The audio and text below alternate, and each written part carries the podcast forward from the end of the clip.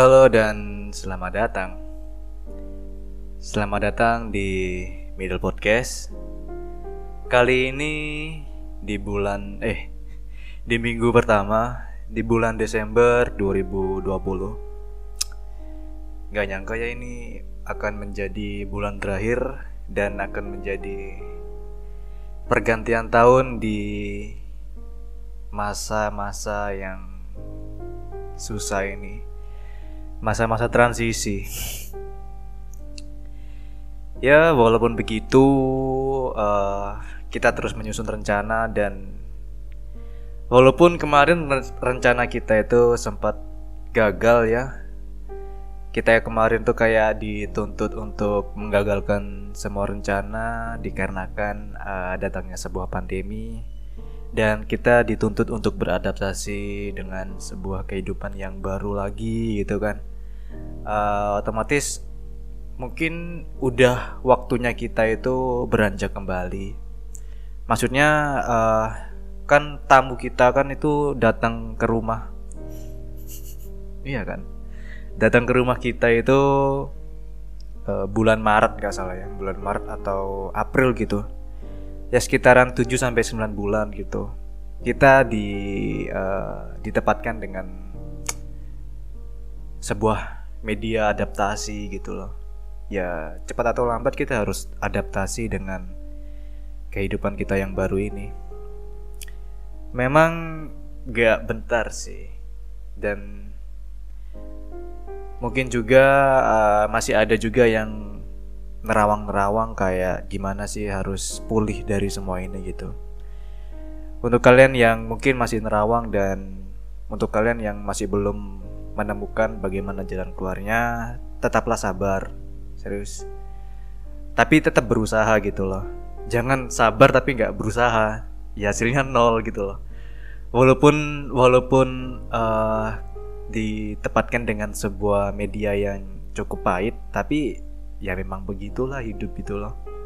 Seenggaknya kita usaha, seenggaknya kita uh, tahu akan ada hasil apa nantinya itu terserah yang di atas. Maksudnya terserah yang di atas. Kalau mereka kalau yang di atas mengizinkan ya ya kita pasti diberi diberi yang lebih seperti itu. Ini awal-awal udah soto ya gue uh, enggak sih ya kayak uh, tujuan dari awal pembuatan podcast ini jujur sih lebih ke apa ya memberikan memberikan semangat gitu loh. Memberikan semangat kepada kita semua terutama juga untuk aku dan mungkin siapa pun yang mendengar ini gitu. Ya gitu sih mungkin tujuannya. Tidak lebih. Dan untuk kali ini episode kali ini bahasannya itu tentang journey ya. Maksudnya uh, kronologi dari dulu-dulu sampai sekarang sampai saat ini. Aku tuh orang yang kayak gimana dan lebih disimpelin disimpelin lagi sih uh, bahasannya untuk episode kali ini tuh perkenalan ya. Perkenalan tapi membahasnya ke dalam sebuah journey aku selama ini gitu. Dan sebenarnya ini uh, episode yang harusnya itu di awal banget pembuatan podcast ini itu ada gitu loh. Waktu itu udah ada sih. Cuman harus aku take down karena satu dan lain alasan. Ya, aku nggak harus kasih tahu alasannya di sini kenapa dan mengapa aku take down ya. Ya, ya seperti itu gitu loh. Kayak ya mencoba untuk lebih baik lah ya gitu loh. Lebih tepatnya sih kayak gitu bukan bukan berarti yang sekarang udah baik gitu loh. Tetap aja busuk tapi kan mencoba untuk memperbaiki kan lebih baik kan seperti itu. Iya kan? Seperti itu. Ya gitu sih gitu. Uh, pada episode kali ini uh, aku mau uh, menggaris besari hmm, di sini tuh aku akan ngejelasin uh, aku tuh tipikal orang kayak gimana terus kemudian aku tuh tipikal orang yang apa namanya uh, menyebalkan atau enggak kemudian uh, mengapa kok hmm, kadang itu maksudnya bukan kadang sih ya keseringan tuh kayak uh, mengapa mengapa aku berbeda? Mengapa kok aku selalu positif dan lain-lain gitu? Ya dikarenakan ya dari sinilah mungkin aku akan kayak ngasih apa ya kayak pengalaman gitu loh ya bukan pengalaman juga sih. Uh, perjalanan gitu kan ya. Enak perjalanan perjalanan gitu. Ya mungkin ini akan dimulai dari uh, aku awal awal apa ya? Awal SMA aja kayak kali ya. Kalau SMP kejauhan seperti itu ya. Uh, tapi uh, ini mungkin transisi dari SMP ke SMA ya. Aku tuh tipikal aku tuh uh, lahir di sebuah keluarga yang dibilang kecukup kecukupan iya. Dibilang nggak susah-susah amat ya iya. Dibilang serba ada ya nggak juga gitu. Ya serba kecukupan aja gitu loh. Terus uh, aku tuh tinggal di sebuah daerah yang mungkin kalau kalian tahu dan mungkin sebagian teman yang udah mendengar podcast ini yang mungkin udah kalian tahu.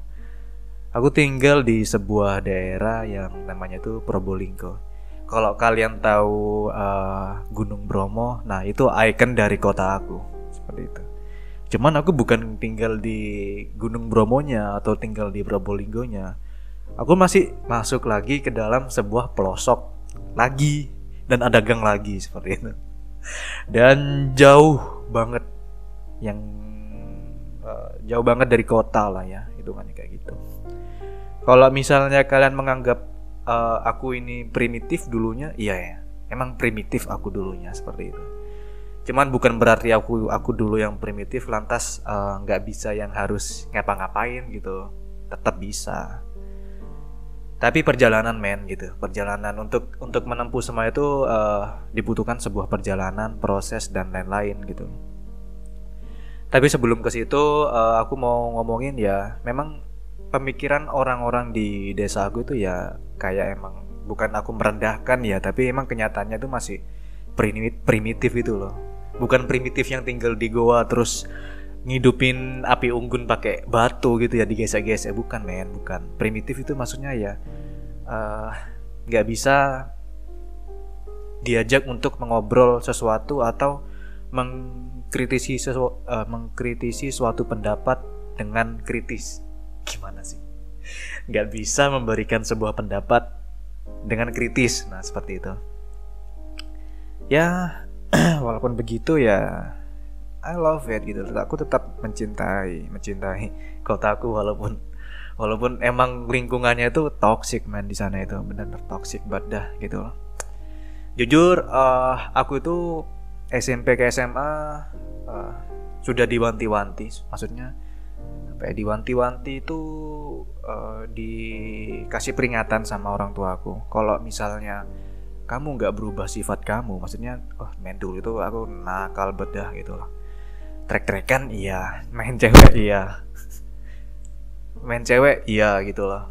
Trek-trekan ya iya. Dan banyak men gitu loh nggak hanya satu. Ya mungkin itu aja yang bisa aku share gitu loh. But maybe ya it's okay lah. It's okay. Ya nggak oke oke banget sih. Ya gitulah ya gitulah aku udah dikasih uh, peringatan kalau misalnya aku nggak nggak nggak ngerubah sifat aku otomatis aku bakal dipindahin ke ke sebuah kota lain gitu loh. Ke Malang.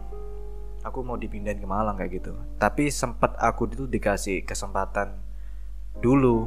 Aku dikasih kesempatan dulu untuk memperbaiki di di di SMA di Keraksan sana. Aku dikasih kesempatan untuk merubah semua itu dan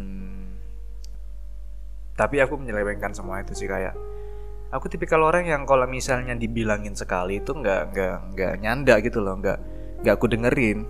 Kecuali kalau emang udah jatuh ya baru aku sadar gitu loh. Aku tipikal orang yang seperti itu gitu loh. Dan pada akhirnya uh, aku nggak bisa dibilangin dan aku tetap dengan sifatku yang kayak gitu pada akhirnya uh, aku tuh pindah ke Malang. Aku pindah ke Malang jujur sih pada waktu itu membawa pikiranku yang primitif ini kepada sebuah kota yang sangat besar. Aku kalau ngeliat Malang tuh apa ya besar men kota kota yang sangat besar dan kota yang kadang itu uh, kalau misalnya kita nggak bisa berbaur dengan orang kotanya asli ya kita bakal tertinggal gitu loh. Kita nggak akan punya teman gitu loh otomatis kita harus beradaptasi cepat dengan dengan lingkungan gitu loh. Tapi uh, waktu itu aku nggak punya pemikiran yang seperti itu gitu loh. Asal aja aku sekolah di SMA di SMA di Malang uh, pada waktu itu ya udah ngasal SMA gitu loh. Aku juga pindah itu karena kayak waktu itu di SMA karena ada sebuah masalah dan aku ingin menghindarinya gitu loh. Dan kemudian ya udah kalau emang mau pindah pindah aja. Mikirnya sesim sesimpel itu gitu loh dulu. Ya nggak nggak sampai sejauh sejauh apa sejauh mata memandang gitu loh. Nggak sejauh itu. Cuman uh, yang yang mungkin uh, apa ya kayak yang bisa aku petik ketika aku itu pindah di Malang ya. Aku dulu itu kan uh, tipikal orang yang juga itu susah untuk beradaptasi dengan lingkunganku yang baru ya. Tapi uh, bukan berarti aku tuh juga akan menutup orang lain ketika orang lain tuh kenal dengan aku gitu loh. Nah aku kan rencananya juga kalau misalnya uh, aku kenal dengan orang uh, maksudnya ada teman gitu kan anak ada teman di SMA di Malang gitu uh, aku kenal dulu dengan satu orang gitu kan. Uh, kalau dibilang apa namanya patternnya step by stepnya ketika kita kenal dengan orang ya. Ini kan harusnya kalau kita kenal dengan orang itu orang bakal mengenalin kita ke teman-teman yang lainnya. Gitu kan? Tapi ini enggak. Dia itu kayak uh, ngedoktrin sebuah pemikiran yang di mana ketika aku uh, berbicara dengan dia ketika aku itu uh, ngobrol dengan dia dan aku tanya kenapa? Lu tuh nggak ngumpul dengan yang lain? Maksudnya kamu tuh kok nggak ngumpul dengan maksudnya kamu tuh kok nggak kumpul? Kamu tuh kok nggak kumpul sama teman yang lain itu loh. Dia tuh bilangnya uh, teman-teman sini tuh banyak gaya teman-teman sini tuh dan lain-lain lain pokoknya tuh wah negatif banget men gitu loh. Dan dan aku bodohnya waktu itu tuh gampang percaya. Aku tuh gampang percaya dengan sebuah opini yang belum tentu itu hasilnya seperti itu. Gini ya aku tuh punya perbedaan ya. Aku tuh dibilangin kalau misalnya aku udah punya idealis dan aku dibilangin aku nggak bisa aku nggak bisa uh, menerima itu.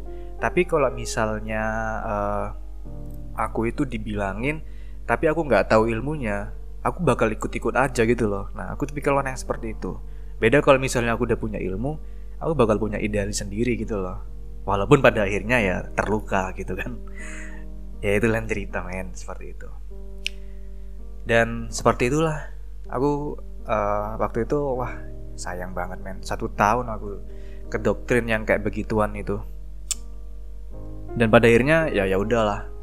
Uh, kayak aku ngerasa uh, hubungan maksudnya uh, apa ya lingkungan ini tuh toxic man ini ini itu udah toxic banget nih man kayak orang idi idi gimana ya? Gambarinnya tuh kayak bayangin kalau misalnya kalian itu di sekolah dan kalian tuh jalannya berdua. Dan itu kalian cowok lagi gitu jalannya berdua aja gitu loh. Coba bayangin. Homo men. Kayak gitu gitu loh kelihatannya tuh homo men gitu loh. Nah itu kayak ya ampun ya udahlah. Dan dan aku baru nyadarnya itu uh, ketika ini tuh udah benar-benar toxic ya kayak ya itu saya semena-menanya sendiri gitu loh dan oh aku udah nggak sanggup lagi. Masih iya iya kayak apa sih gitu kan? Kalau kalian denger paling jijik kali ya kan? Ya gitulah. Sampai mana tadi ya? Ya sampai pada akhirnya kalau ini nggak bener ini di lingkungan ini pertemanan udah nggak bener men. Ini nggak bisa gitu loh. Pada akhirnya uh, aku cari teman lagi gitu kan. Aku cari teman lagi dan sama maksudnya kalau misalnya aku kenal kenal dengan teman baru otomatis kan teman ini bakal kenalin yang ke teman lain gitu kan. Dan iya men harusnya itu step step by stepnya tuh seperti itu. Ketika kita kenal dengan orang lain ya otomatis kita bakal dikenalin dengan orang yang sama dengan maksudnya orang lain gitu loh juga kan gitu. Paham gak sih? Semoga paham lah kayak itulah dan dan aku tuh tanya ke mereka ya gini kenapa sih orang ini? Gitu kan. Pada dasarnya ya emang emang dianya aja yang baperan gitu loh. Pada dasarnya kita hanya guyon kayak gitu. Simpel itu. Ya bukannya aku mau ngumbar masalahnya di sini tapi ya aku uh, ngasih yang seperti itu aja gitu loh.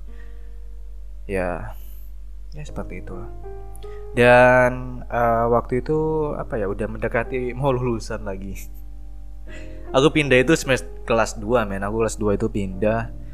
Uh, kemudian gumpul dan saat dengan gum maksudnya hmm, kumpul dengan satu teman aja pas kelas 2 habis itu uh, baru aku nyadar baru kelas 3 nya aku punya banyak teman di SMA gitu. Ya jujur SMA itu kayak nggak ada kenangan main aku dulu itu ya ya apa ya kayak dibilang kalau misalnya masa-masa uh, SMA itu masa-masa yang sangat menyenangkan gitu. Busuk. Nggak ada main di aku tuh nggak ada nggak ada yang namanya itu indah nggak ada. Ada sih mungkin ada gitu loh. Cuman uh, pada waktu itu uh, mungkin SM waktu itu apa ya kayak ya gitulah. Ada ada kok ada. Cuman eh, nggak se, se sebanyak sebahagia cerita yang kalian punya mungkin ya. Atau yang orang lain punya mungkin seperti itu. Sebagian aja gitu. Ya kalau dibandingin SMA ya mending SMP sih gue waktu itu. Kayak SMP jujur aku apa ya kayak apa pun tuh ada men gitu loh. Teman cewek uh, apa ya juga hmm, properti eh, dan lain-lain lah ada gitu loh. Banyak banyak ceritanya tuh SMP gitu loh. Cuman mungkin uh, eh, SMA itu kayak wah mungkin pukulan waktu itu dan menjelang udah SMA mau ke kuliah ya uh, aku mutusin untuk pindah pindah kota gitu. Karena menurut aku asik aja gitu loh. Kita sekolah di berbagai berbagai daerah gitu aku dulu SD di Keraksan SMP di Pahitan SMA di Keraksan lagi terus habis itu pindah ke Malang. SMA nya di Malang sampai dapat ijazah di Malang. Habis itu uh, terakhir aku pengen kuliah di Surabaya waktu itu. Kerennya nyari kerennya aja sih pada waktu itu gitu loh. Ya tetap tetap uh, nyari fakultas yang aku ingin inginkan gitu tetap. Cuman uh, nyari kerennya itu cuman pindah lokasi aja gitu loh. Sesimpel itu kan aku dulu itu pemikirannya ini gitu bikin hambar rasanya. Ya udah uh, waktu itu uh, aku memutusin untuk kuliah di salah satu universitas di Surabaya. Aku ngambil jurusan desain komunikasi visual pada waktu itu.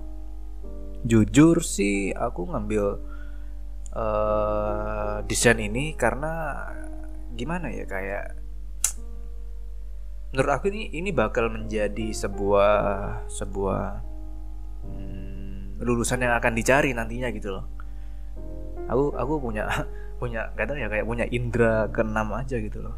Tapi ya nyatanya emang begitu gitu loh. Graphic design content creator itu uh, booming man sekarang seperti kayak kayak apa ya?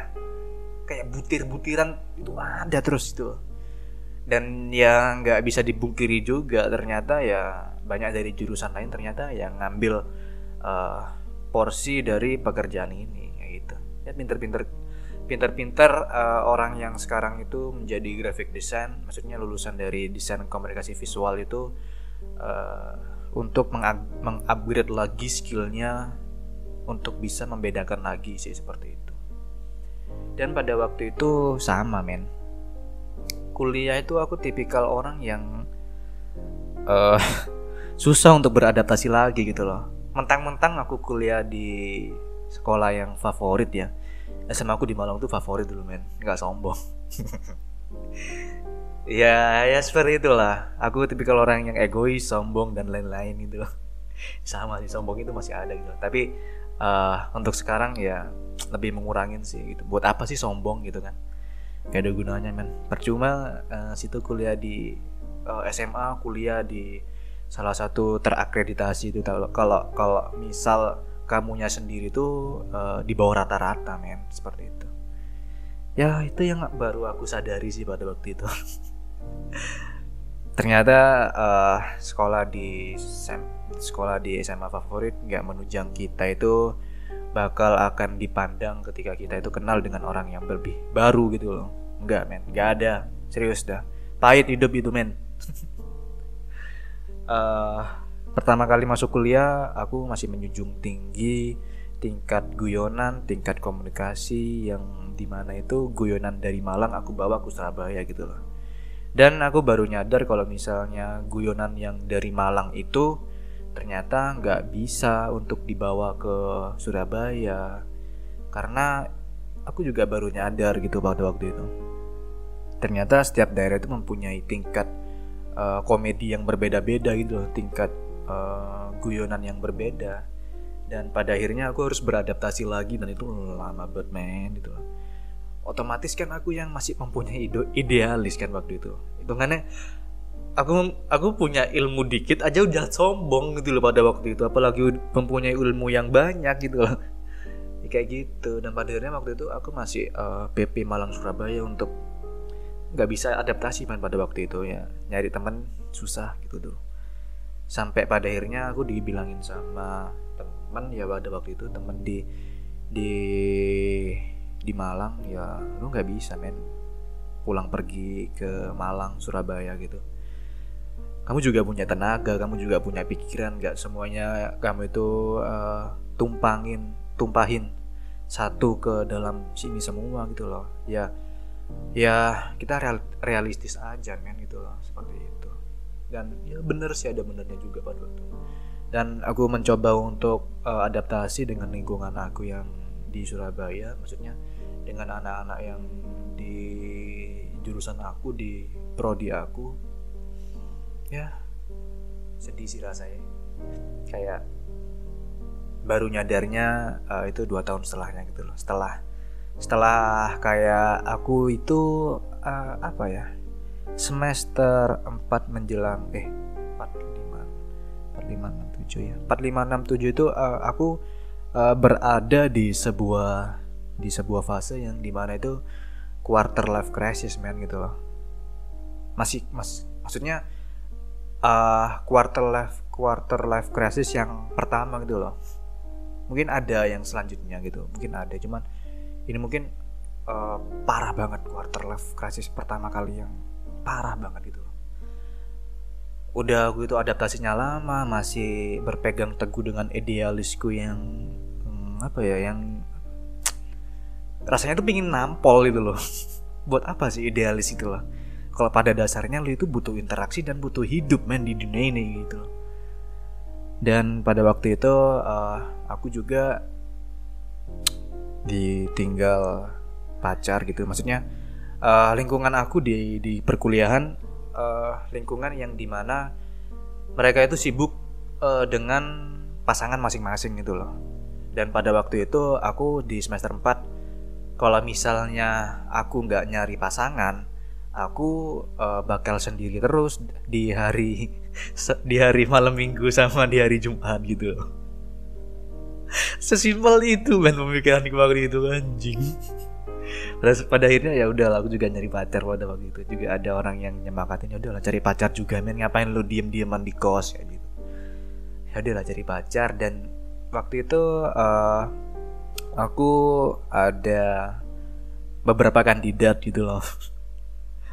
Bukan berarti aku itu playboy men. Bukan men. Aku tuh nggak playboy di sini. Aku tekankan lagi aku nggak playboy men aku tetap milih satu gitu loh. Aku tetap milih satu dari dari ketiga kandidat ini gitu loh. Tapi salah satu kandidat dari kedua orang ini itu adalah mantan aku yang dulu waktu SMP gitu uh, oh kedua orang ini uh, bukan dari salah satu mantan aku dia orang baru. Salah satunya orang Malang orang Malang satunya lagi orang uh, pesantren ya. Cuman aku itu lebih seretnya sama sama anak yang di pesantren ini. Terus uh, aku juga tuh ada pertimbangan lain. Aku dulu itu waktu sama mantanku aku punya punya kesalahan dan aku pengen memperbaikinya di kesempatan kali ini kayak gitu. Cuman uh, pada waktu itu akhirnya aku seleksi lagi berarti tinggal dua gitu loh yang di pesantren sama yang di uh, Surabaya ini. Kebetulan mantan aku ini uh, kuliahnya di Surabaya juga gitu loh. Maksudnya kandidat dari mantan aku ini dia kuliahnya di Surabaya gitu loh. Dan pada waktu itu uh, masa-masa yang di mana aku harus memilih orang yang benar pada waktu itu. Dan dan ya jujur waktu itu uh, aku tuh kayak diberi masukan sama teman-teman udah lalu pilih yang yang di pesantren aja gitu loh. Ngapain sih uh, membuka lembaran baru dengan orang yang lama? Belum tentu tintanya itu bakal hilang sepenuhnya. Meskipun bakal hilang tapi bakal ada bekas bercak-bercak lain nantinya gitu loh. Dan aku gak dengerin itu semua men itu loh. Dengan idealisku yang aku punya kesombongan yang aku punya aku gak dengerin semua itu gitu loh. Walaupun pada dasarnya itu aku tuh sayang sama orang yang di pesantren gini. Perbedaannya itu gini ya waktu itu. Kenapa aku itu mempertahankan orang yang di pesantren pondok ini itu? Karena aku jarang melihat cewek itu cantik natural tanpa adanya make up man gitu loh. Seriously. Aku pertama kali ketemu dengan dia meeting uh, tatap muka apa ya technical meeting pertama kali dengan dia uh, aku kan ada aku waktu itu uh, kerja di sebuah PH maksudnya freelance. Dan kebetulan aku itu ngehandle di salah satu pesantrennya dia untuk uh, keperluan buku tahunan sekolah gitu. Nah pada waktu itu uh, aku itu diberi kesempatan untuk ngehandle apa ya kayak memfasilitasi mereka dengan uh, tim aku gitu loh. Ya kayak PR sih public relation kayak nggak PR PR banget tapi kayak memfasilitasi untuk mengkomunikasi mengkomunikasikan bareng lah. Intinya seperti itu. Dan dia itu uh, kok kebetulan menjadi ketua penyelenggara seperti itu. Ya nggak ada yang tahu pada waktu itu men. Itu sangat sangat kebetulan banget dan nggak tahu. Memang seperti itulah gitu loh. Seperti itulah dipertemukan maksudnya. Dan pada akhirnya uh, selesai itu yaitu point of interest aku itu ketika aku technical per, technical meeting pertama kali aku ngelihat cewek yang natural banget. Ya aku tahu ini bakal maksudnya cantik men. Dia itu tanpa makeup pun cantik gitu loh. Dan I really love it gitu loh. Seriously. Ya. Yeah dan eh, nggak uh, sampai di situ aja uh, pada waktu itu aku kenal sama dia maksudnya kenal lebih dekatnya sama dia lagi itu uh, teman aku nyari teman aku minta untuk uh, segera diselesaikan biodata dari setiap uh, murid di sana gitu loh.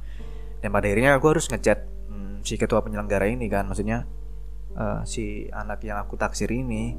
Dan kebetulan aku punya Instagramnya dia dan aku DM dan aku DM gitu loh dan ternyata dibalas dengan cepat itu pun kebetulan men itu loh siapa yang tahu dan itu cepat banget balasnya gitu. Dan gak nyangka juga dia tuh lagi ada di rumah maksudnya lagi pulang ke rumah gitu loh dan bukannya uh, mensyukuri keadaan itu tapi dia itu lagi uh, ketimpa sebuah musibah gitu. Loh dia jatuh. Dia jatuh dari tangga karena kecapean gitu. Ya wajar sih. Uh, aku tahu kayak rutinitas orang pesantren tuh kayak gimana itu lah. Mungkin dia capek dia kepikiran situ sana sini gitu. Mungkin ya menjadi beban pikiran pada pada akhirnya itu dan pada akhirnya uh, kita mulai berhubungan di situ.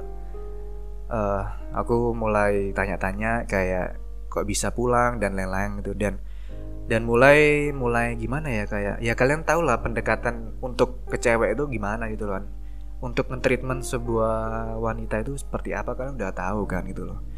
Step by stepnya itu loh. Dan dan dia itu uh, sampai pada akhirnya mau balik dari pondok itu loh. Udah udah melewati fase istirahat gitu di rumah.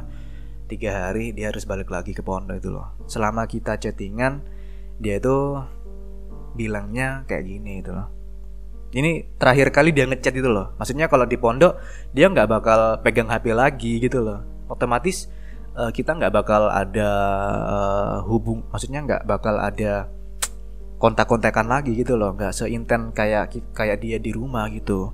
Nggak ada. Nah pada waktu itu uh, dia itu uh, sempat mau balik dan sempat mau deket katanya dari pondoknya itu.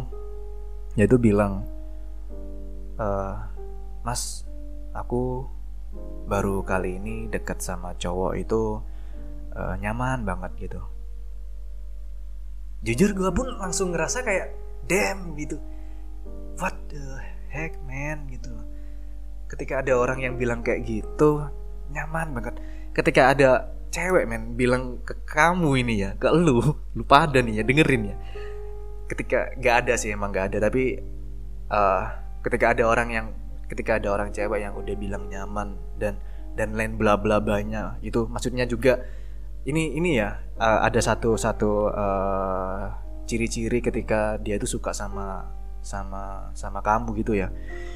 Dia itu uh, bakal intens chat dengan kamu. Walaupun dia tuh sibuk dia tuh bakal balas chat dengan kamu men. Dan dia tuh uh, sampai nggak punya malu dia tuh bakal bilang nyaman ke kamu. Cewek itu bakal bilang cewek itu bakal bakal ngasih kodenya itu seperti itu gitu loh. Dan pada waktu itu gue yang nggak bisa uh, paham dengan kode itu semua gitu. Saya tuh pengen nampol rasanya. Ih ke idi. Lu itu gak sadar sadar dulu. Idealis aja lu keras gitu. Tapi otaknya kecil men. Rasanya itu bikin bilang ke diri aku yang dulu itu seperti itu tuh ya mungkin kalau kalian kalian tahu nada aku yang seperti ini bakal akhir endingnya cerita dari aku tuh bakal seperti apa gitu loh. Tapi ah, biar aku terusin aja ini biar aku terusin aja kelanjutannya.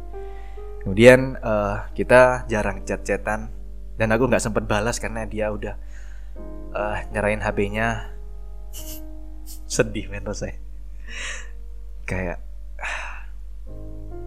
jujur aku nggak bisa ngata-katain lagi maksudnya nggak bisa ngerangkai kata-kata lagi pada waktu itu dan kita pada akhirnya uh, kontek-kontekan by email men. Dia sempat bilang juga mas ini email aku ini terakhir kalau misalnya aku nggak balas berarti nanti kita bakal kontek-kontekan lewat email ya. Kontak aja email aku duluan nanti aku bakal balas seperti itu. Sampai segitunya men. Dia itu memberikan akses ke, ke aku waktu itu memberikan akses untuk berkomunikasi ke aku tuh. Bukan berarti aku pede karena dia ketua penyelenggara dan aku uh, sebagai sebagai moderator yang menghubungkan tim aku dengan dengan dia gitu loh. Bukan berarti begitu juga.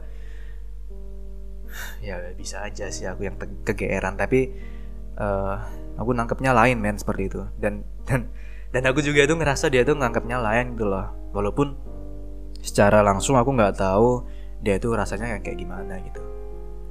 Dan hmm, pada waktu itu ya udahlah kita kita uh, berhubungan lewat email dan kayak aku ngerasanya monoton pada waktu itu kayak ada dua kandidat ini. Maksudnya mantan aku juga itu uh, kayak kode-kode juga gitu loh sama. Dan aku nggak tahu harus milih yang mana pada waktu itu. Busuknya aku kayak gitu pada waktu itu. Dan semakin aku ke sini dan semakin aku kayak idealis dan realistis ya pada waktu itu aku uh, nurutin nafsu yang di mana uh, aku itu lebih baik ketemu dengan hmm, maksudnya menjalin hubungan dengan orang yang uh, dekat aja gitu loh. Aku nggak bisa berhubungan dengan orang yang jauh pada waktu itu. Jujur dia juga itu waktu waktu itu jujur mau ke Jepang untuk hmm, sekolah lagi gitu. Dan jujur itu itu kayak udah menjadi pertimbangan aku kalau misalnya uh, kayak gini aja kita udah susah komunikasi apalagi nanti gitu. Tapi dari pemikiranku yang goblok dan sesem, dan sesem, dan sesimpel itu untuk menganalisis keadaan malah kayak membuat aku kayak ya udahlah gitu. Dan pada akhirnya uh, aku pilih mantan aku dan aku tinggalin dia. Aku tinggalin dia dengan sebuah kata-kata rangkaian kata yang mungkin cukup menyakitkan ya buat dia atau atau nggak tahu lagi gitu loh nggak tahu lagi gitu dan aku dengan PD aku bilang uh, waktu itu kita sempat chattingan di di di di email dan dia bilang eh aku bilang di sela-sela chat aku bilang gini uh, sorry ini uh, kita selama ini chat dari kamu nggak uh, ada rasa kan dari aku gitu.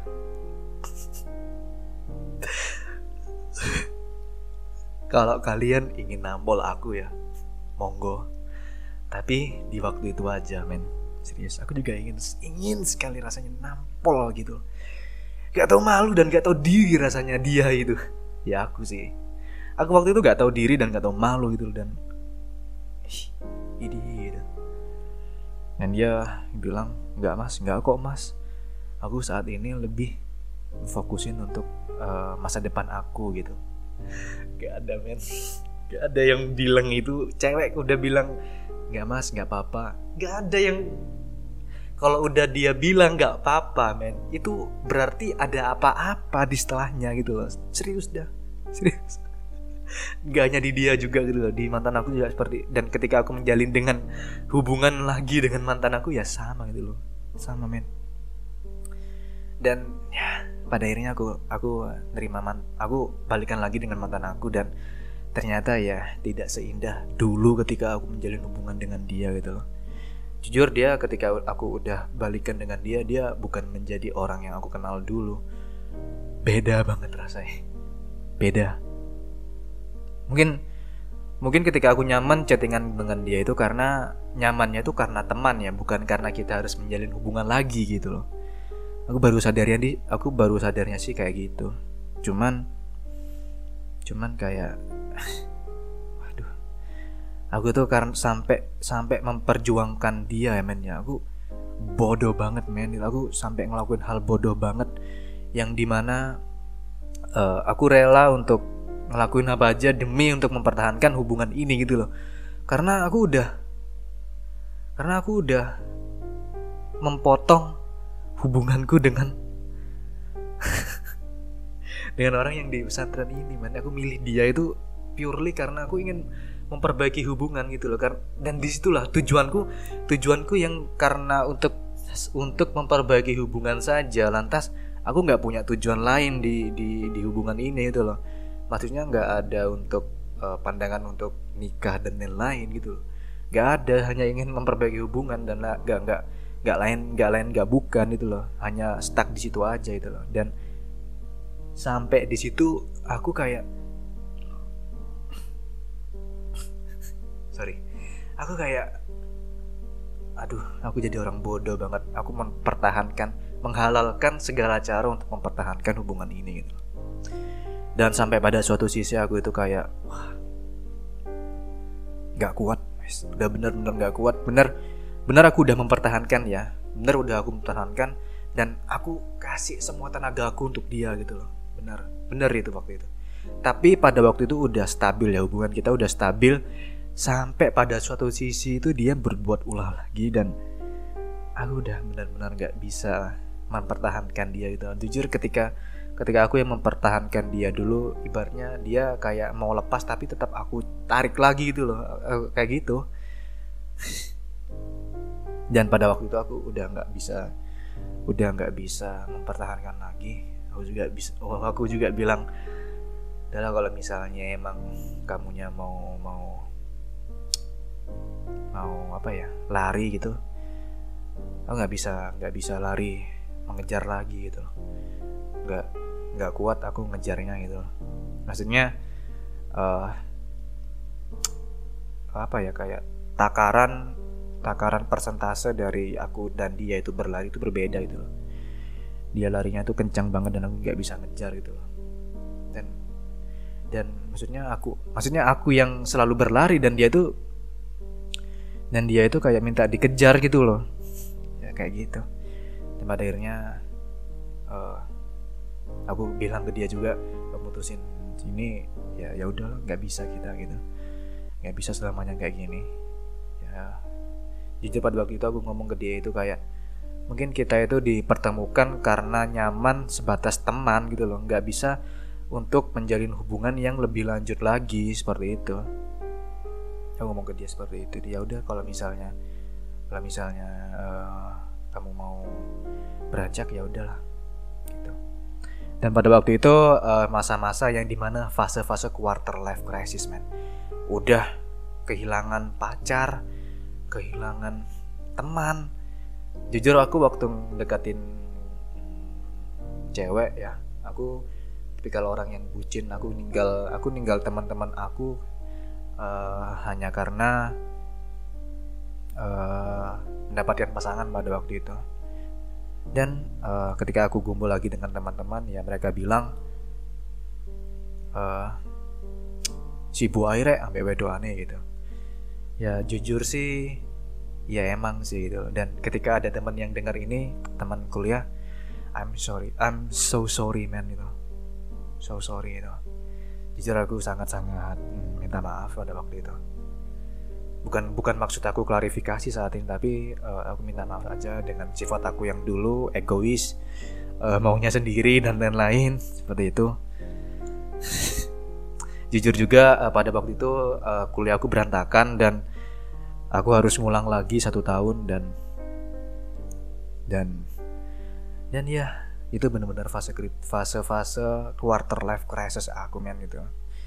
Dan ngelihat teman-teman aku udah mulai uh, skripsi aku masih masih uh, ngejalanin dua mata kuliah aja gitu loh.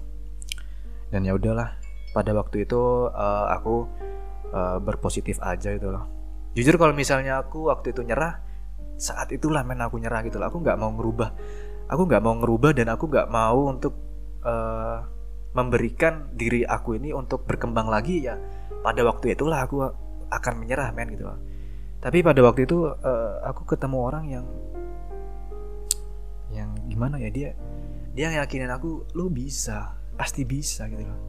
Ini titik balik kamu untuk memperbaiki semua keadaan itu ini adalah sebuah fase yang di mana kamu diuji untuk kuat di sini tuh dan ketika ada masalah yang seperti ini kamu akan bangkit lagi gitu loh. Gitu. Dan kemudian uh, aku meluangkan meluangkan apa ya uh, kegiatan maksudnya waktu kegiatan dan ke, dan kegiatan lain itu untuk bekerja. Ya kali gitu kan. Uh, aku ker, aku kuliah cuma dua hari gitu kan dan dua hari itu lewat online. Ya pada akhirnya aku uh, mutusin untuk kerja nyari kerja gitu. Dan nyari kerja aku ketemu lagi dengan seseorang gitu dan kebetulannya aku ketemu dengan seseorang yang di mana uh, dia itu cewek dan dia itu yang dia kayak nggak kayak tahu ya kayak dia tuh uh, tahu banget ketika aku tuh lagi down dan aku tuh lagi di bawah banget dan dia itu narik aku dari jurang yang paling dalam untuk untuk uh, untuk berdiri lagi, untuk keluar dari jurang tersebut, untuk membangun jembatan lagi, untuk keseberang dan untuk mendapatkan sebuah pengalaman yang lebih baru lagi, yaitu dia. Aku juga dipertemukan dengan orang seperti dia pada waktu itu. Untungnya sih seperti itu gitu loh.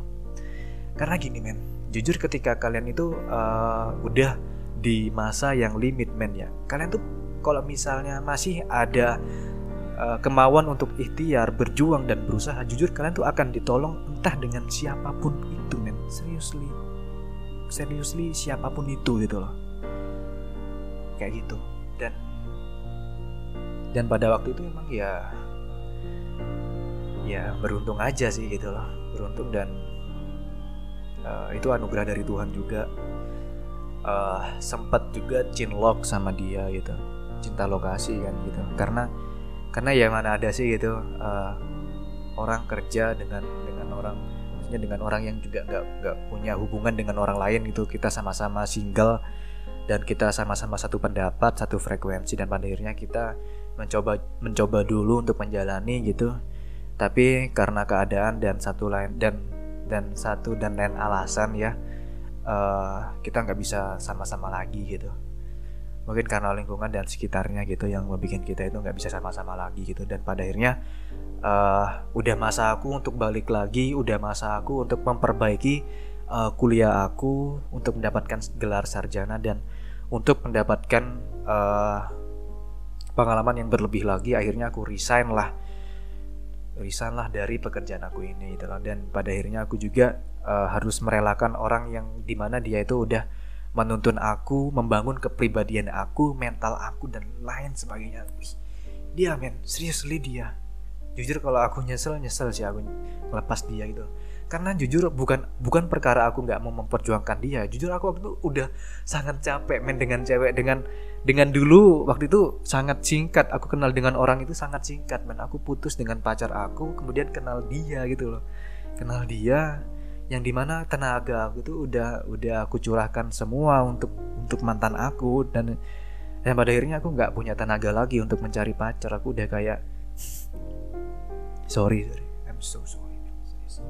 Mungkin pada waktu itu aku seperti itu. Nggak bisa nggak bisa berjuang banget ya karena aku capek gitu loh. Aku capek dengan cewek aku mungkin trauma ya. Iya mungkin.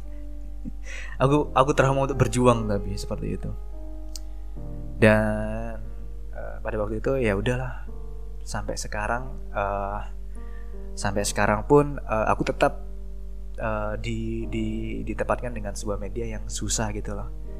Ya hidup siapa yang tahu men gitu loh. Maksudnya uh, ketika aku yang udah udah uh, balik lagi ke kehidupan kuliah ya kehidupan kuliah yang di mana aku kembali kepada rutinitas yang di mana aku sendiri lagi dan aku nggak tahu teman-temanku udah lulus semua gitu. Jujur aku pada waktu itu. Tapi buat apa nyesal pada waktu itu? Dan ya udahlah aku pupuk lagi semangat semangat semangat semangat. Dan pada akhirnya sampai saat ini dan sampai titik ini aku bisa meraih gelar sarjana walaupun pada akhirnya ditempatkan dengan sebuah sebuah uh, waktu pandemi gitu loh kayak gitu. Ya ya emang nyesel sih kenapa nggak dulu dulu aja gitu lah aku lulus gitu. Cuman kan ya kalau nggak ada pengalaman kan pengalamanku yang dulu mungkin aku nggak bisa membentuk kepribadianku yang saat ini pemikiranku yang saat ini. Uh, bisa se ignorance itu terhadap suatu hal gitu. Ya kadang gimana ya aku kalau nyelesain sesuatu untuk saat itu kayak aku tuh suka diam bentar men dulu aku suka diam bentar dan bertanya ke diri aku gitu loh. Dan bertanya kepada Tuhan aku ada salah apa sih? gitu loh. Kok sesusah ini? gitu loh. Tapi habis gitu aku on track lagi gitu loh. Setelah itu ya udah gitu loh. Kalau misalnya itu bukan uh, kapasitas kita untuk memperbaiki ya kita pasah pasrahkan diri kepada Tuhan gitu loh. Kayak gitu. Dan ya udah on track lagi kita kita tetap cari kita cari tetap uh, penyelesaiannya lagi gitu loh. Dan ini cerita panjang banget ya kayak nggak nyangka aku bakal ceritain romansa aku di sini maksudnya di episode kali ini itu ya jujur uh, ini tuh cerita panjang lebar ya. Ada romansa pengalaman aku dan dan lain sebagainya gitu loh.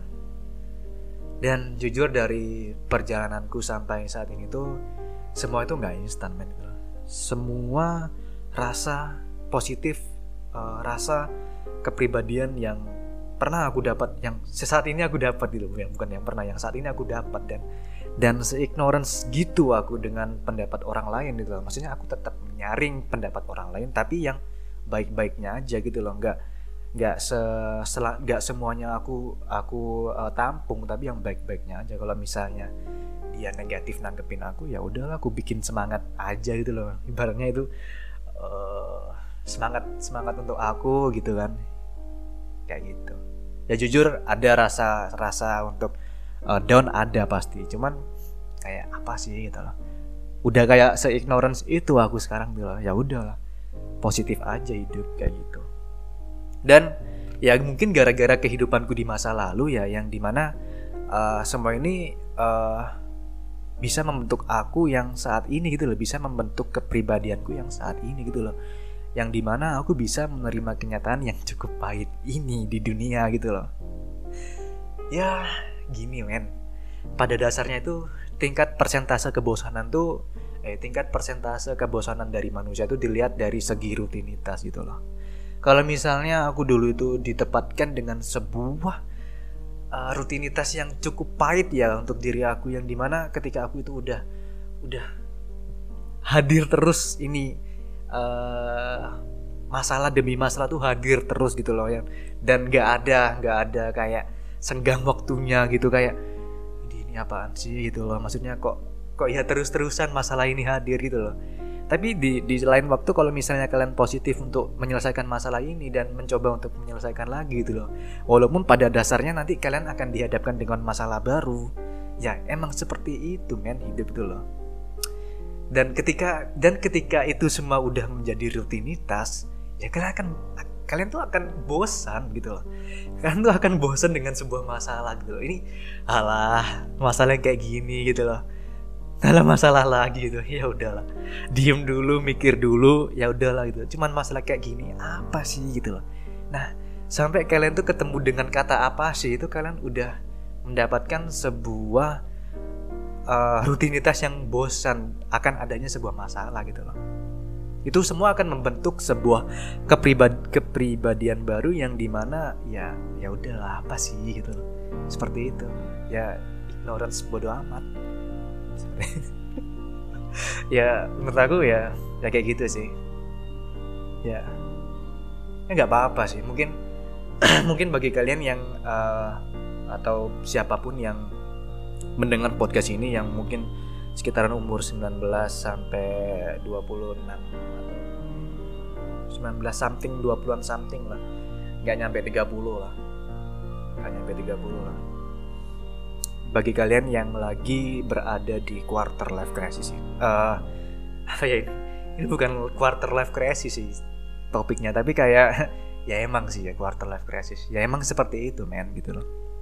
Maksudnya gini uh, aku ada sebuah ada aku ada sebuah kata-kata yang ini mungkin bisa menutup uh, podcast aku jauh lebih indah gitu loh. Yang di mana itu gini. Gini. Di keadaan kita yang saat ini men ya kita itu dituntut dewasa oleh sebuah usia. Iya kan? Kita itu dituntut dewasa oleh usia. Dipaksa kuat oleh keadaan dan dihukum oleh banyaknya luka karena pahitnya hidup gitu. Memang semiris itu men hidup. Tapi bukan karena semiris itu hidup lantas kita itu nggak bisa ngapa-ngapain selanjutnya gitu loh. Bukan karena uh, yang dulu-dulunya kalian gagal terus lantas sekarang ini kalian nggak bisa ngapain-ngapain gitu loh nggak bisa ngelakuin apa-apa gitu loh ketika satu keran tertutup masih ada keran-keran yang lain akan terbuka men gitu loh. Seriously. Serius. Jujur aku itu kayak gitu selalu men. Ketika kalian udah di masa yang sangat kritis yang di mana kalian tuh udah di bawah banget kalian tuh kalau misalnya ada kemauan untuk usaha untuk berdiri ya. Seenggaknya ada ada niatan untuk berdiri dulu lah. Nggak ada nggak ada ikhtiarnya gitu loh. Maksudnya nggak ada nggak ada masih kelakuannya gitu loh. Tindakannya itu masih belum ada. Kalian masih niat untuk berdiri dulu itu kalian masih itu kalian akan diberi kesempatan dan diberi uh, pencerahan di sana dan kalian akan diberi jalan man seriously. Seperti itu. Dan ya hidup itu penuh kejutan men gitu lah kalau kalian tahu kejutannya apa nantinya ya hidup akan lebih mudah rasanya hidup nggak akan nggak akan ada tantangannya gitu. Lah kalau kalian udah tahu kejutannya nanti ya ya buat apa kita hidup gitu loh. Ya kita, mending kita mati aja. Serba serba enak hidup gitu di surga gitu kan. Apa pun ada gitu. Ya kalau kalau itu pun kalian masuk surga sih. Amin kalian semua masuk surga. Astagfirullah. Aku Irun kenapa kalau kamu menggiring sebuah opini yang negatif ya alay. Ya gitu sih gitu. Ya mungkin gitu aja ya ini cerita panjang lebar dan cerita udah mendekati satu jam ini. Wow baru kali ini aku ngobrol panjang lebar satu jam cerita panjang lebar tentang pengalaman aku gitu. Banyak sih ya. Ada pengalaman aku terus sifat aku dulu yang rasanya pingin nampol terus uh, time travel lagi romansa dan tips and trick dikit lah ya gitu. Tips tips and trick romansa dikit tapi ya gitu. But ya is okay gitu. Kalian bisa tarik kesimpulan dari situ gitu. Ya seperti itu mungkin. Dan ya seperti itu. Mungkin seperti itu bahasan dari middle podcast kali ini. Uh, sorry kalau misalnya aku terlalu menggiring uh, kalian kepada sebuah opini yang negatif. Sorry kalau misalnya uh, aku kalau ngobrolinnya itu terlalu cepat yang bikin kalian itu susah untuk uh, kayak nerima atau mencerna dulu gitu. Ya mencoba untuk lebih baik lagi lah gitu. Dan jujur ya lebih seneng aja gitu sekarang. Kalau ngomong udah agak sedikit tidak tersandung gitu kan. Ya seperti itu.